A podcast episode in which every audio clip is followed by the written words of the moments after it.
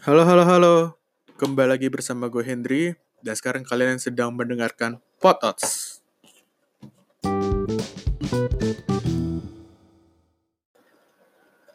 Ya, sebelum mulai, karena masih dalam suasana Idul Fitri, gue mau ngucapin minal aidin wal faizin, mohon maaf lahir dan batin. Buat semua orang yang mera- merayakannya. Ya, langsung mulai aja ngeliat topik pembahasan hari ini gue paling ngomongin soal mudiknya, lebaran dan mudik. Karena lagi pas banget hari ini, pada saat video ini muncul, pada saat podcast ini muncul lagi hari kedua Idul Fitri. Gua bukan salah satu yang merayakan Idul Fitri, tapi ya banyak teman-teman gue yang merayakan. Tapi sayangnya tahun ini mudik itu dilarang ya. Bukan dilarang sih, jadi larang. Dari awal-awal, awal puasa bahkan, itu udah dilarang mudik karena supaya nggak menyebarkan virus-virus karena biasanya di orang daerah itu lebih lebih apa ya lebih lebih bersih gitu lebih alami dan lain-lain gue dulu pernah denger jokes gini kayak kalau misalnya di kota kan rumah-rumah orang kaya gitu atapnya di bikin langit-langit gitu kan di kayak digambar awan bulan bintang. Kalau di desa itu nggak usah di nggak usah digambar udah langit beneran. Ya gitu kan. Terus juga kalau misalnya kita di kota kan kita ke sekolah gitu. Pak maaf pak. Saya telat. Kenapa? Ma, ma ma- macet pak gitu kan. Kalau misalnya di daerah gitu kan lu telat sekolah. Pak maaf pak. Mama macet macet. Orang nggak ada orang nggak ada mobil. Macan pak macan. Waduh. Sekolah lewatin sekolah lewatin hutan. Gitulah ya. Intinya adalah kalau di ya gue nggak jelek-jelekin orang daerah sih ya cuman ya jokes jokes saja intinya adalah di daerah tuh lebih lebih alami lah lebih fresh dibanding Indonesia. Jadi ya di- dibandingkan kota Jakarta ya. Jadi lebih baik orang-orang yang di Jakarta mendingan tahan dulu jangan balik dulu. Gitu sih. Walaupun gue tahu pasti banyak sih yang yang mudik-mudik gitu ya mudik-mudik colongan kayak kemarin ada berita yang mudik terus di mudiknya bahkan udah sebelum puasa. Jadi sebelum puasa tuh udah dilarang ada yang udah pulang duluan karena udah nggak dapat kerja gimana? Mending pulang kampung dulu lah gimana? Gitu-gitu. Ya emang kasihan sih orang-orang yang emang merantau gitu kan ke Jakarta. Nyampe Jakarta ada pandemik nggak bisa ngapa-ngapain akhirnya balik lagi ke daerahnya Iya karena kondisi itu sih. Gue juga nggak bisa menyalahkan mereka ya. Kayak teman-teman gue tuh ada tuh yang udah ya udah balik-balik balik mudik-mudik duluan gitu. Makanya gue gak nyalahin mereka sih sebenarnya tapi ya gimana gitu. Asalkan mereka yang balik itu dalam keadaan sehat dan supaya nggak membawa virus gitu ke kampungnya. Kan kasihan kan keluarganya sendiri sendiri kalau ketular kalian jadi carrier gitu. Itulah. Bahkan kemarin pelarang-pelarangan tuh aneh-aneh juga menurut gue kayak ada yang mudik gitu kan. Terus di dihukum gitu ditaruh kayak di rumah hantu gitu. Bukan rumah hantu kayak rumah kosong yang serem gitu dah. Anjir gila. Aneh juga hukumannya tapi menarik gitu gue juga kalau balik terus disuruh tinggal situ nggak jadi balik. Kapok gue maksudnya balik kampung ya? Kapok gue kalau di situ. Ke toilet malam-malam aja ngeri ya. Apalagi lu disuruh tinggal di rumah kosong gitu udah nggak ada orang dan lain-lain. Serem serem serem. Anjir. Ngomong apa gue ya? Terus juga tadi ada berita barusan aja. Jadi ada ibu ada ibu sama anaknya gitu kan. Dia nyewa mobil ambulans buat buat mudik. Itu pinter banget tuh ibu-ibu. Jadi kayak dia ngomong eh ada yang tipes nih gimana gimana gimana. Nih kronologinya dari kompas ya kalau salah salah yang kompas aja. Terus nggak ternyata nggak nggak tipes kan dicek sama oh ini ambulan akhirnya dia pengen balik gitu kan ke dari Bali ke Jember gitu. Aneh juga lewat lintas pulau. Terus pas di tengah jalan ambulannya ditahan sama polisi terus disuruh putar balik. Tapi strategi yang menarik sih pakai ambulans. Karena nggak dicek tapi udah polisinya udah makin pinter lah ya. Kenapa tiba-tiba bisa di ambulans dicek terus putar balik? Kan pasti kayak oh ini ada yang ini karena sebelum-sebelumnya juga ada yang pakai mobil box lah apalah yang ngomongnya nganter barang ternyata di belakangnya ada orang mau mudik ya kan? Aneh-aneh lah.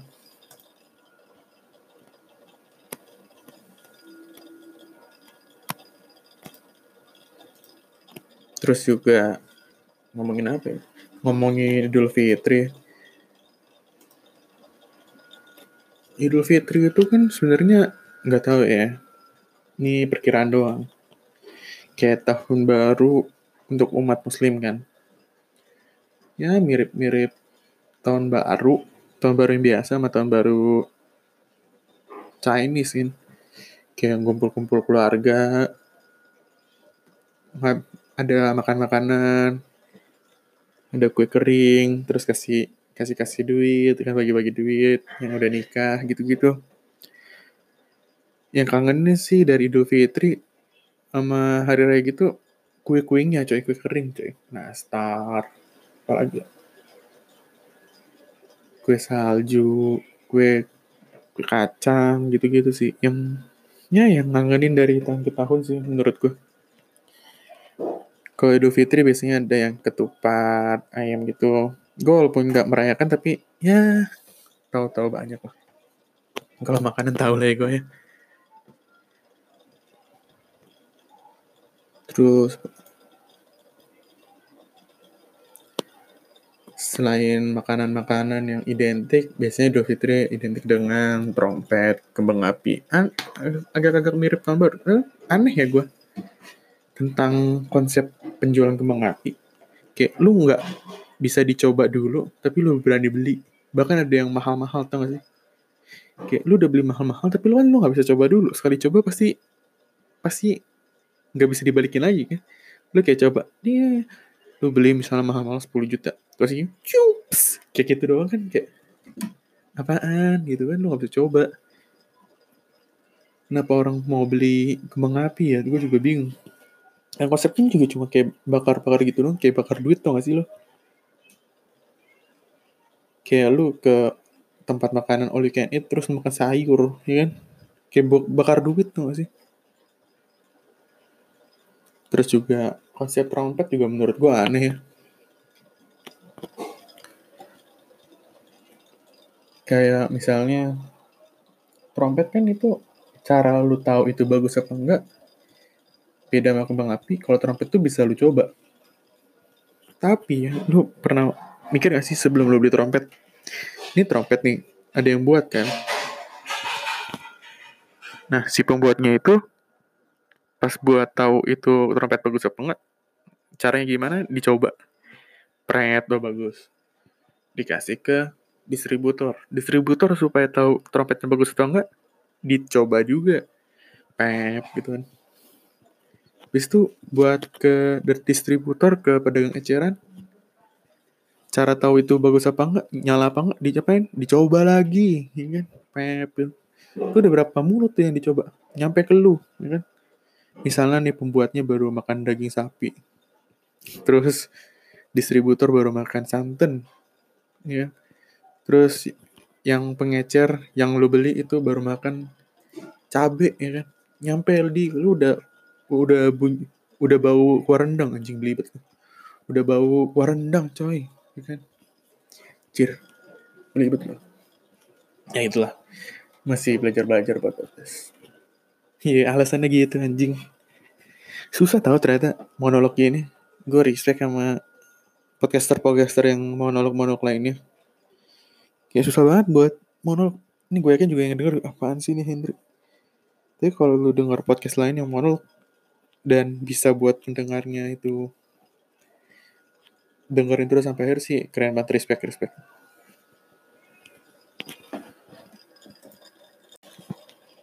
Ya, terus sekarang mau ngomongin berita-berita yang baru aja terjadi. Entah kenapa kalau lihat berita gitu di di mana sekarang kalau di internet pasti ada muncul berita-berita corona ya. Tuh udah ini gue gue udah males kayak baca-baca berita corona. Paling gue update aja kali ya.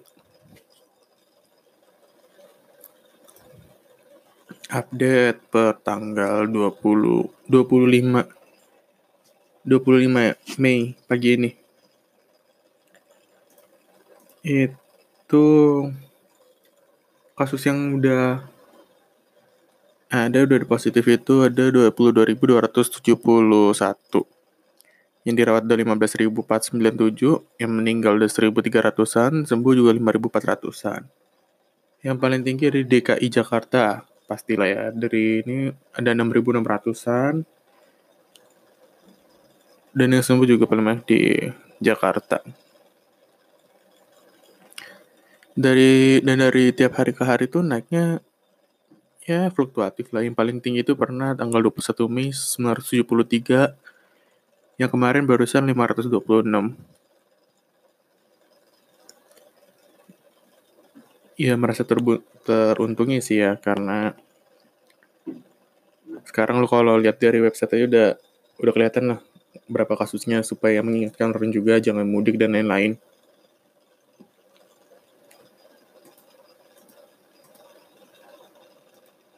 Terus mau ngomongin berita apa gue? Oh iya, minggu lalu nih. Tantowi Ahmad pensiun dari bulu tangkis. Ya gue bukan penggemar bulu tangkis, tapi ya gue tahu gue kalau nonton pun pas Olimpiade doang ya sama SEA Games dan lain-lain. Itu pun yang kalau disiarin di TV. Dan yang terkenal kayak teman-teman gue, eh apa lagi lagi ini nih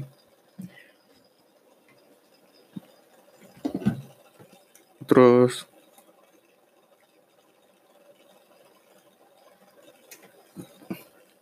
dia pensiun mau umumin di akun Instagram pada hari Senin kemarin minggu lalu 18 Mei 2020 kasihan banget ya pensiun di Instagram. Orang mah di kayak press release apa akhir match gitu dan lain-lain. Sayang banget sih. Terus kata-katanya ini saatnya mengucap selamat tinggal untuk sesuatu yang saya tekuni lebih dari setengah hidup saya. Yang membuat hidupku menjadi lebih warna.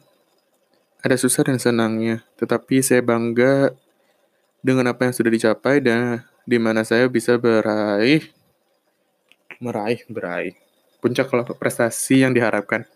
Memang saya mengharapkan bisa mengakhiri di puncak podium, tapi inilah hidup. Tidak selalu apa yang kita ingin bisa tercapai. Betul sekali. Hidup itu nggak adil, oke. Okay. Saya juga mau berterima kasih untuk semua yang telah mendukung karir bulu tangkis saya selama ini dan lain-lain. Sekarang waktunya saya melanjutkan hidup untuk meraih kesuksesan di bidang lain. Gue bingung ya, kalau misalnya atlet atlet bulu tangkis gantung raket uh, ngapain ya? Kan dia mau di bidang lain.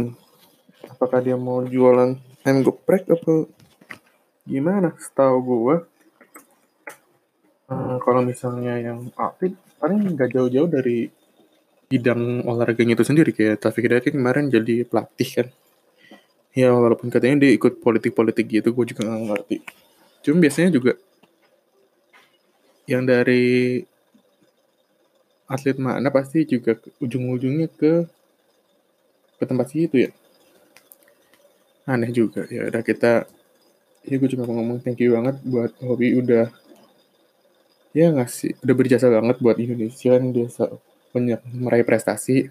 Terus ya cuma bisa doain terbaik buat ke depannya nanti gimana. Ya kenal aja tadi gua. Terus juga Bundesliga udah main lagi mantap banget. Pas minggu lalu tanggal 17 Mei kemarin ada 8 pertandingan di laksanakan di Bundesliga. Ini kayak salah satu satu-satu bukan satu-satunya ya. Kayak yang pertama lah.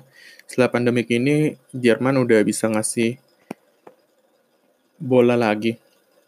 Tapi ada kayak tiga peraturan baru pas sebelum ngasih sebelum ngasih apa namanya pertandingan matchnya itu.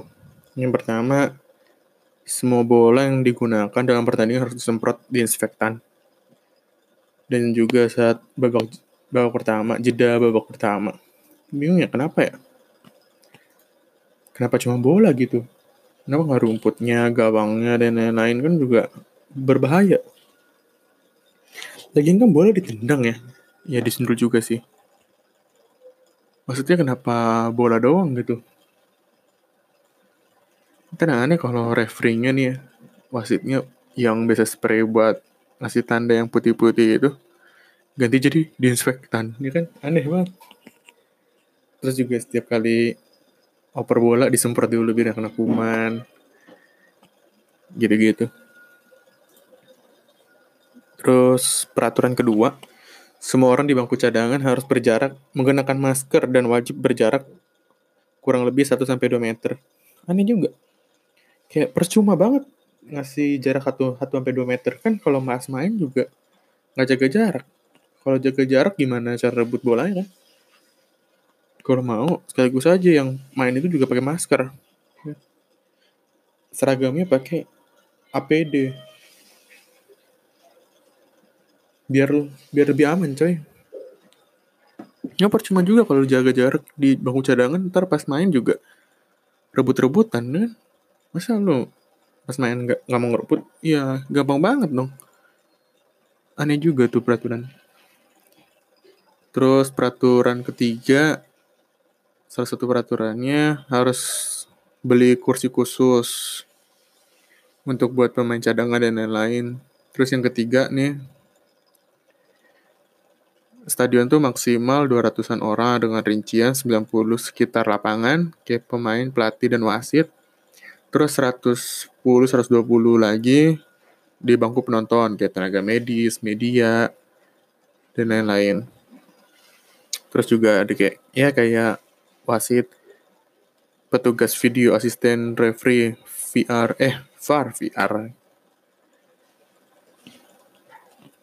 Terus sisi lain juga katanya La Liga bakalan kemungkinan tanggal bulan Juni nanti itu udah bakalan muncul lagi ya ya kita doain aja supaya yang lain La Liga, Serie A sama Inggris, Liga Inggris juga muncul lagi kan salah satu olahraga terfavorit.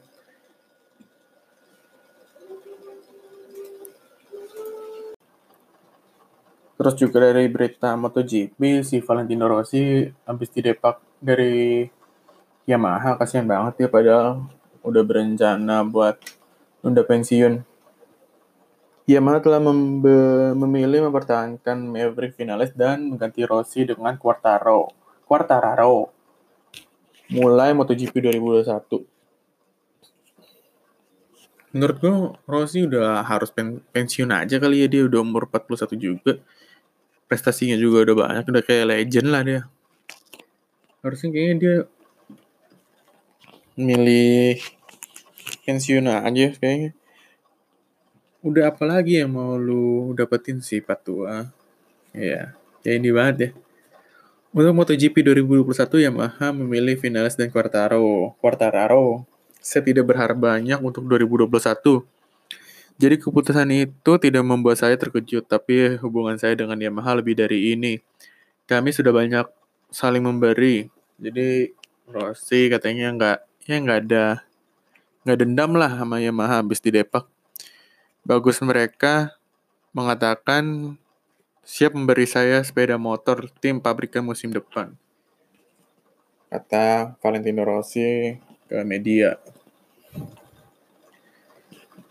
Kayaknya jadi dia di Depak pesangonnya motor ya, lucu juga. Pembalap MotoGP dipecat ya di Depak di, di ya perilis kan dapat pesangon gue baru sadar rilis yang bahasa Inggris rilis kayak dilepas gitu sama rilis R I L I S di Indonesia. Sama ternyata rilis dari rilis. Waduh. Mind blowing baru nyadar gue terus negosiasi duel super kelas berat UFC batal terwujud. Jadi rencananya UFC ini bakal ada pertandingan antara John Jones dari lightweight light heavyweight sorry dan Francis Ngannou di heavyweight gagal terwujud karena gagal negosiasi dengan John Jones. John Jones dengan rekor 20 kali 26 kali menang dan satu kali kalah. Raja kelas berat ringan, light heavyweight. Dia kayak ya pengen naik ke heavyweight lah dari light heavyweight banyak yang kayak kayak gitu. Salah satunya Daniel Cormier yang menang lawan waktu itu menang lawan Stipe Miocic. Terus kalau lagi sama Stipe Miocic. Waktu itu dia dari light heavyweight. Naik ke atas. Sebenarnya banyak sih yang naik-naik kayak gitu. Jadi nggak heran lah kalau buat naik divisi gitu. Terus Sebelum berbicara angka, Yosi tak ingin membayar lebih untuk duel super kontra Francis atau bagi saya untuk pindah ke kelas berat. Jadi John Jones nggak mau karena UFC nggak bayar lebih kalau buat dia naik ke heavyweight. Men, UFC, lu ngapain sih ini nyimpen nyimpen duit lu kalau eh gue gak tahu gue bukan expert tapi kalau lu kasih duit lebih ke John Jones dia itu bakal naik, narik pay per view lebih tinggi banyak yang nonton dia lebih tinggi apalagi lawannya Francis. Menurut gue kayaknya nggak mungkin lah masa UFC nggak ngasih duit emang ini WWE ya? Ngomong-ngomong soal W WWE ya bridging dulu.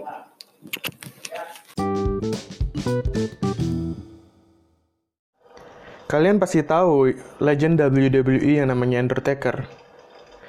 Tapi apakah kalian mengenal tentang Mark William Calloway? Jadi, WWE ini baru aja merilis film dokumenter tentang The Undertaker, Mark William Calloway, nama aslinya. Jadi ini film dokumenter ini adalah film pertama kali si Mark Calloway ini atau Undertaker dia memperbolehkan dirinya di dokumentasi makanya kita nggak pernah lihat kan film dokumentasi tentang Undertaker di sepanjang karirnya. Nah di sini di di film dokumenter ini terbagi dari lima chapter. Tiga chapter pertama sudah ditayangkan. Yang chapter ketiga nanti akan ditayangkan di 24 Mei nanti dan chapter 4 dan 5 akan ditayangkan di Juni.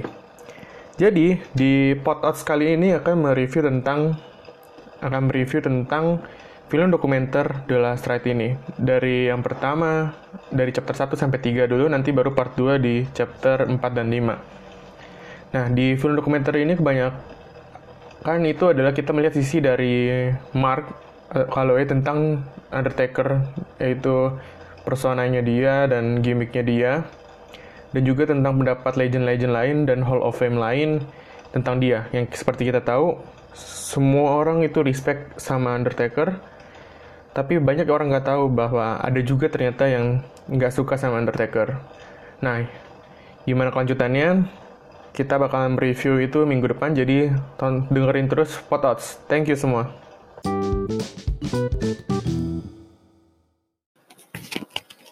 Ya, sekali lagi kalau misalnya kalian pendengar podcast itu penggemar pro wrestling juga. Podcast sekarang lagi ada segmen baru yaitu What's Wrestling of the Days yang gue yang gue bakalan munculin yang akan terus ada podcastnya di setiap hari Jumat jadi dengerin terus aja ya podcast. Terus yang terakhir gue ngomong nggak ngomong banyak sih buat minggu ini.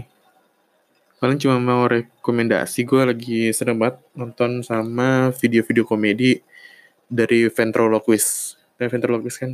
Ventriloquist. yang kayak orang ngomong terus sebelahnya ada boneka boneka yang ngomong tapi orangnya yang ngomong. Padahal orangnya juga yang ngomong. Kalau Indonesia itu dulu paling terkenal tuh Susan ya Maria Ernest. Yang Susan Susan. Itu gue menurut gue Susan tuh kayak ini ya psikopat ya. Kecil-kecil udah mau nusuk orang aneh banget. Sampai sekarang juga masih kecil Susan ya jokes jokes jokes aneh banget. Gue lagi demen sama ventriloquist sebenarnya udah udah lama ya. Gue tahu tapi baru lagi ngikutin ngikutin sekarang. Sekarang gue lagi demen kemarin nonton videonya Semi J and Randy yang judulnya A Ballad. Balad balad balad balada lah pokoknya. Di YouTube bisa dicari aja itu bagus banget videonya. Lucu lah seru-seru jadi ini beda kayak ventriloquist yang lain karena si semi j itu bukan yang ngisi suara ke Randy ya, tapi Randy-nya ada orang sendiri, nah semi j sendiri. Biasanya si Randy itu udah stand up duluan, tapi karena ada semi j jadi kayak mereka musikal komedi gitu. Menurutku lucu banget mereka kayak asik aja denger. Terus ada beberapa ventriloquist yang lain yang terkenal yang favoritku juga salah satunya kayak Terry Vetter dia itu pemenang American Got Talent yang kedua kayaknya. Menurut gue mereka dia itu yang musikal kan dia musikal komedi juga ya. Terus dia juga banyak bonekanya banyak terus komedinya bukan cuman komedi-komedi klasik. Dia biasanya kan terkenal dari komedi klasiknya ya apa countrynya tapi dia udah kayak bisa rock pop dan lain-lain Terus juga selain itu ada Paul, Paul Zerdin, itu pemenang dari season 10 kayaknya. Ya American, pokoknya rata-rata yang ini masuk ke American Got Talent deh, yang orang terkenal. Ya ada juga yang dari American Got Talent lain, tapi nggak juara aja. Kasian deh. Tapi lucu-lucu lu kalau nonton dan pengen dapet sensasi berbeda itu nonton Ventriloquist sih. Terus juga ada yang paling baru itu Darcy Lin yang masih muda itu. Dia season 12 kayaknya dia menang juara kan. Ngalahin stand up comedian juga yang lain Preacher Laws, Preacher Lawson kalau nggak dia itu tipikal-tipikalnya ya ada komedinya dikit tapi lebih ke musikal musikal ventriloquist sih. Jadi buat kalian yang kalau misalnya di rumah lagi nggak ngapa-ngapain bosen dan kayak bosen nih komedi gitu itu doang, boleh coba nonton ventriloquist. Lucu dan pengalaman berbeda lah buat buat penikmat komedi kayak gue. Terutama ya mirip-mirip stand up tapi dia ada komedinya dikit. Gitu sih terus juga ada kalau lagi seru gue lagi nonton Better Call Better Call Saul ya. Yang TV series spin-off-nya dari Better eh dari Breaking Bad salah satu film terbaik juga. Terus selain itu yang lagi seru juga ada AEW Double Nothing baru baru tayang kemarin buat penggemar wrestling ya. Kayak itu aja deh buat buat episode kali ini. Nggak banyak yang gue ngomongin karena berita yang terhangat juga corona-corona lagi ya ntar lihat aja di minggu depan lagi ada apa ini yang bagus buat diomongin. Sekian aja kali dari gua buat episode kali ini. Dengerin terus podcast, terus juga jangan lupa buat dengerin segmen Watch di hari Jumat. Sama ada, bakalan ada gua nge-review dari film dokumenter Undertaker The Last Ride. Itu ya deh. Thank you banget semua. Bye.